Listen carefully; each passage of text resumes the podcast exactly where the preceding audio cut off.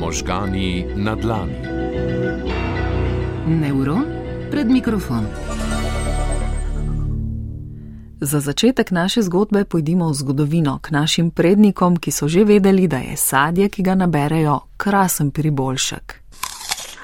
Pred tisoči let so ljudje potem ugotovili, da sadje čez nekaj časa lahko spremeni svojo obliko, ampak da to ne pomeni, da je strupeno, da ga fermentacija lahko naredi celo okusnega, oziroma da malo spremeni njihovo počutje in vedenje.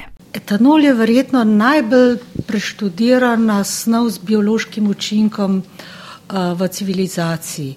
Njegove učinke so spoznali že na začetku civilizacije, čim je človek odkril, da fermentirano sadje ima sicer drugačen okus in pa neke drugačne učinke, kot je pričakoval, ne samo hranilnih.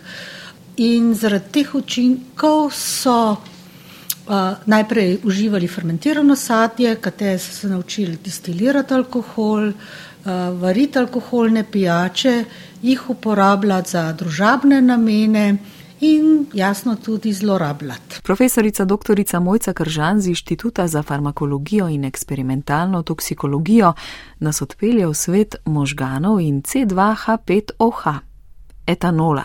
Etanol je alkohol, ki ga najpogosteje vnašamo v svoje telo. Res je, da marsikoga spravi v dobro voljo, ampak čeprav vas morda preseneti, je alkohol za naše živčevje tudi depresor. Ja, alkohol je snov z dvema obrazoma. In ker imamo v telesu presinaptične in postsinaptične receptorje, je tudi njegov učinek dvojen. Najprej alkohol se veže na tako imenovane presinaptične receptorje in povzroči stimulacijo srednjega živčevja, ki pa je prisotna samo takrat, kadar zaužijemo manjše količine alkohola. Ta stimulativni učinek alkohola je povezan s tem, da se nam izboljša razpoloženje, postanemo bolj pogovorljivi, bolj gostobesedni, izgubimo nadzor nad sabo, ne, postanemo tudi bolj pogumni, bolj podjetni. Hkrati nam pa takrat že deprimira motorične reakcije, se nam že tudi uh, skrajša reakcijski čas, upočasnijo nekatere refleksi in motorične reakcije. Tako da ta začetni stimulativni učinek ustraja res pri tistih nizkih dozah, ko je prisotno v krvi 50 mg alkohola na 100 ml krvi, se pravi po eni zaužiti merici alkohola. Če nadaljujemo, pride pa do tistega standardnega učinka, postsinaptičnega, ko alkohol res deluje depresivno in najprej, rekla, zaustavi više možganske funkcije in kasneje, če nadaljujemo z dozo, deprimira, nažalost na koncu, sicer v zelo visokih koncentracijah 400 mg na 100 ml, lahko povzroči tudi smrt, ker se pride do zavore dihalnega in kardiovaskularnega centra, ki sta v podaljšanih hrbtenjači. Na nek način je alkohol uspavalo, hipnotik za naše nevrone, ki postanejo slabše vzdražni. In jasno, dihalni center in kardiovaskularni center sta najbolj, najglobja in najbolj zavarovana, zato so potrebni res visoki odmerki, visoke koncentracije v krvi, da ju zavreta. Uživanje etanola lahko pripelje do različnih psihofizičnih odzivov in seveda tudi tistega, kar odločilno vpliva na družbo in odnose, zasvojenosti. V majhnih količinah je sicer stimulativen, ampak kaj, če ga telo in možgani želijo vedno več? Profesorica Mojca Kržan. Ja, alkohol ima tudi to, rečemo, dobro ali pa slabo lastnost, da spodbuja v manjših koncentracijah sproščanje dopamine v mezolimbični poti in sproži občutek ugodja. In ljudje smo navajeni, da tiste občutke, ki nam ali pa navade, ali pa tudi kemične stimuluse, ki nam sproščajo užitek, večkrat ponavljamo. In zato tudi nekateri pogosteje segajo po alkoholu. Žal je alkohol uh, povzroči tudi uh, metabolne motne, se pravi, se naš metabolizem prilagodi stalnemu vnosu. Se poveča količina in aktivnost encimov, ki ga razgrajujejo, zato moramo za isti učinek, ki pa ni vedno samo stimulativen, imeti vedno večje odmerke alkohola. Skratka, na al alkohol je ena od tistih snovi, ki povzroča tudi fizično odvisnost, ne samo zaradi tega, kar nam deluje na spodbujanje sproščanja dopamina, ampak se tudi telo prilagodi z drugačnim metabolnim stanjem ob kroničnem jemanju alkohola. Alkohol je droga. Ja, je droga. Je tudi zdravilo? Uh, trenutno ni, ima statusa zdravila. Status zdravila je imel pa skozi tisočletja v zgodovini. Rav, takrat niso poznali drugih snovi, ki bi deprimirale osrednje živčevje, no, katere varnejše, pa tudi tiste, ki jih znamo bolj nadzorovati, so ga izpodrinile kot zdravilo. Je pa še vedno dober antiseptik in se ga uporablja bolj kot uh, razkožilo v medicinske namene. Možgani na dlani. Dan pred Martinovim v možganih na dlani govorimo o etanolu skozi prizmo farmakologije. Etanol seveda učinkuje na različne organske sisteme, nas pa najbolj zanima njegov učinek na živčevje. Do zdaj smo se že naučili, da ima alkohol dva obraza, da lahko deluje stimulativno, da pa je za naše živčevje tudi depresor. Ker hitro vpliva na našo motoriko in možnost presoje, je seveda lahko hitro usoden v prometu. Tudi o tem smo v naših oddajah že govorili. Profesorica dr.